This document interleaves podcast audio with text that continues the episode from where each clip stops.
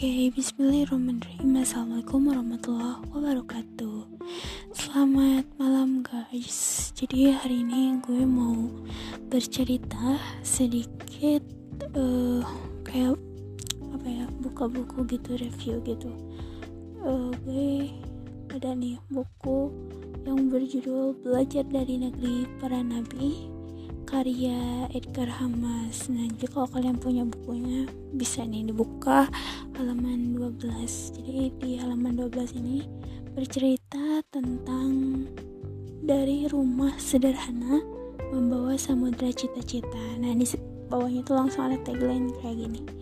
Wakafkan dirimu untuk Allah biar Allah yang mengarahkan biar Allah yang menjaminkan pesan guru. Gila keren banget ini kata-katanya. Oke langsung aja.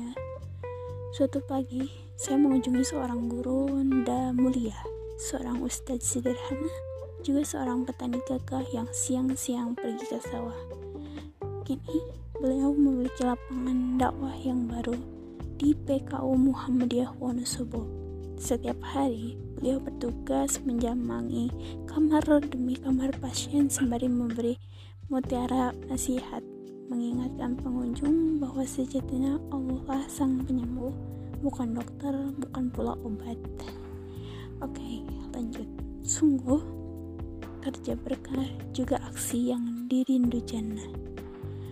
Pagi-pagi sejuk itu, di rumahnya yang sungguh menyimpan aura rohani, kami bersua, meminta nasihat dan memohon restu untuk sejenak lagi pergi berhijrah menuju negeri para nabi, Mesir.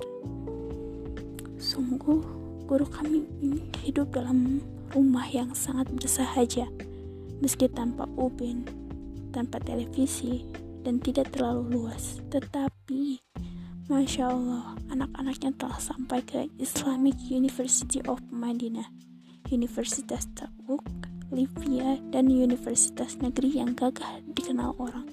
Wih gila, keren banget ini kayak Islamic University of Madinah tuh kayak uh, dulu cita-cita gue waktu kelas 11 ya. Cuman hari ini gue baru sampai stay but ya syukuri aja.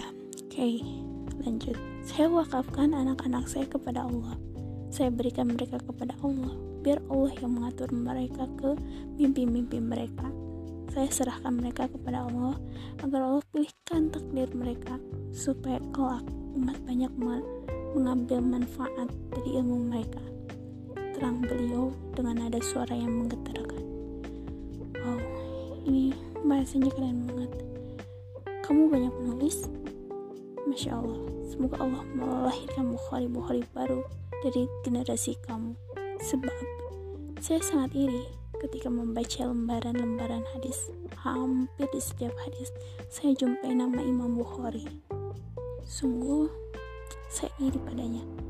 Karyanya dinikmati manusia sejagat dan dipelajari umat setiap zaman. Masya Allah. Hati saya serasa bergetar. Sungguh, kata-kata beliau ini tidak datang kecuali dari sanubari terdalam.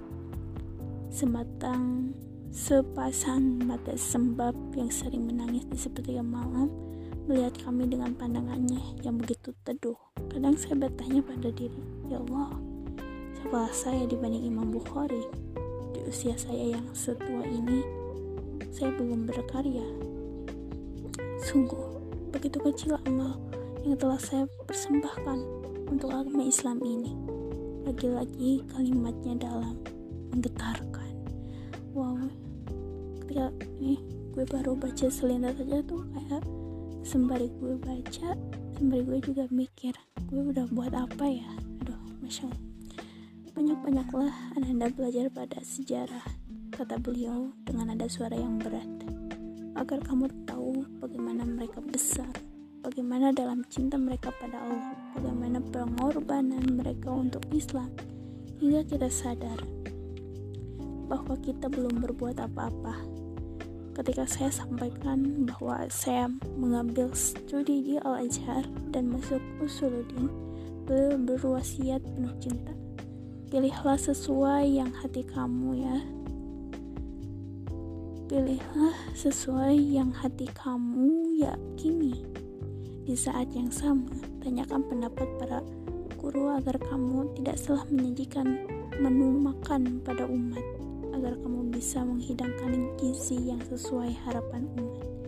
Kebutuhan umat ini sangat mendesak, sedangkan subhanallah, musuh-musuh Islam begitu sukses dalam menjalankan misinya. Karena itu, belajarlah dengan baik. Ulanglah dan buat umat Islam bersatu seperti Masyumi dulu. Nasihat beliau melanjutkan. Sejatinya, masih banyak pesan beliau yang meng, apa kayak menggelorakan nurani dan menggetarkan jiwa. Mudah-mudahan bisa tertulis di lain hari di akhir kunjungan indah itu. Sebelum saya pamit padanya, beliau berpesan, Kuatkan tekadmu dengan amal-amal sunnah. Nyatakan mimpimu dengan banyak mendekat kepadanya, utamanya di sepertiga malam yang terakhir. Dari rumah sederhana itu, yang tanpa hias dan tanpa mewah, kami pulang membawa sementara cita-cita. Rasanya ada kirah yang muncul pada diri kami atas kegelisahan beliau pada nasib umat yang tengah tercekik meringkih. Mudah-mudahan di sisa-sisa usia karya-karya kami bisa menjadi jawaban bagi harapannya amin. Oke okay, ada tagline nih bagus banget. Uh, udah gila keren banget.